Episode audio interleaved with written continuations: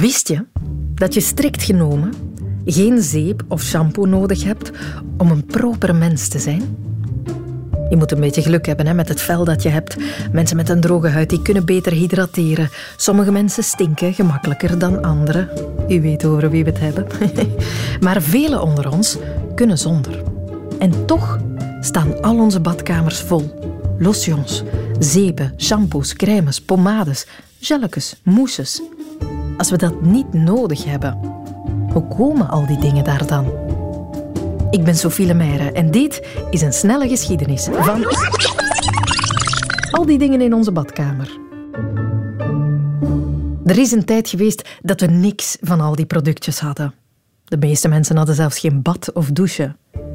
Maar dat was ook de tijd dat er pest was en syfilis en luizen en vlooien en kindersterfte en dat niemand ook goed wist waarom ons al die dingen overkwamen. Slechte hygiëne dus. En dat begon de wetenschap in de 19e eeuw in de gaten te krijgen.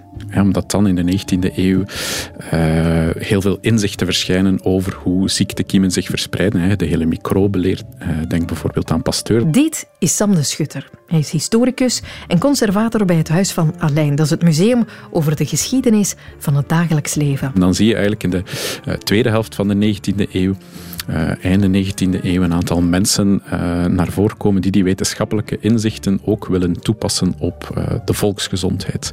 Het tegengaan van de verspreiding van ziektekiemen om zo eigenlijk een, een gezondere samenleving te maken. Men begon rioleringen aan te leggen, krottenwijken te saneren, allemaal grote werken. Maar men begon ook wat meer hygiëne bij de brede bevolking te promoten. Met pamfletten en posters en boeken legde men uit hoe je een hygiënischer leven kon leiden. In 1861 verschijnt zo bijvoorbeeld het boek Baths and How to Take Them. Baden en hoe je ze moet nemen. Als iedereen uh, zichzelf uh, goed onderhoudt en uh, zich, zijn eigen persoonlijke hygiëne goed onderhoudt, dan gaan we met z'n allen minder ziektekiemen verspreiden en dan gaan we met z'n allen eigenlijk minder ziektes krijgen en een gezondere samenleving krijgen. In de 20e eeuw worden huishoudboeken populair. Van die dikke handboeken waarin aan vrouwen, uiteraard aan vrouwen, uitgelegd wordt hoe ze hun huishouden moeten runnen. Met advies over de opvoeding, poetsen, koken, naaien, maar ook over de hygiëne van het gezin. En in die boeken wordt haast automatisch de link gelegd tussen schoon zijn, proper dus, en mooi zijn. Een goede huisvrouw wast zich met zeep om mooi te zijn voor haar man. Ja, eh, dat is eigenlijk wel een hele interessante. Hè, dat, dat je die link uh, van in het begin eigenlijk wel ziet. Hè. Dus in zo'n huishoudboek uit 1910, hè, dus helemaal begin van de 20e eeuw, wordt daar al heel sterk op gehamerd. Namelijk dat je gezond moet zijn en dat gezond zijn ook betekent dat je er gezond uitziet. Hè. Dus daar wordt al gezondheid en schoonheid aan elkaar gelinkt. En dat, dat, dat zie je eigenlijk doorheen de 20e eeuw wel verder gebeuren. En bijvoorbeeld um, een heel bekend huishoudboek uit de jaren 60 is Femina, het handboek voor de moderne vrouw en haar gezin.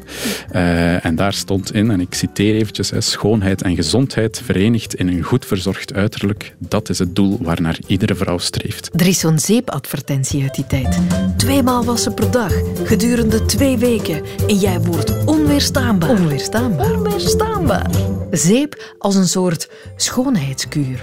Want uiteraard maakt de commerce graag gebruik van dat idee om al hun producten te kunnen verkopen. Zij gaan nog meer in de verf zetten hoe mooi, hoe aantrekkelijk hun koopwaar jou kan maken. Eigenlijk, en eigenlijk vooral na de Tweede Wereldoorlog consolideert zich dat echt. En, en uh, in de jaren 50 zie je daar echt een hoogtepunt van, hè, van die massaproductie enerzijds en het reclame maken ook. Uh, de massacommunicatie daar rond uh, anderzijds. En dan krijg je van die reclames hè, waar eigenlijk dat schoon zijn in de zin van proper zijn en hygiënisch zijn, ja, dat komt eigenlijk nauwelijks nog aan bod. Hè, maar daar gaat schoon zijn eigenlijk echt vooral over mooi zijn. En zeep is dan bedoeld om een mooie, uh, zuivere huid te krijgen. En zo zijn we eigenlijk de wetenschappelijke basis van waarom we ons moeten wassen, namelijk om ziektekiemenvrij te zijn, uit het oog verloren. En blijft het rijtje flesjes, flacons, spuitbussen en tubes in onze badkamer alleen maar langer worden.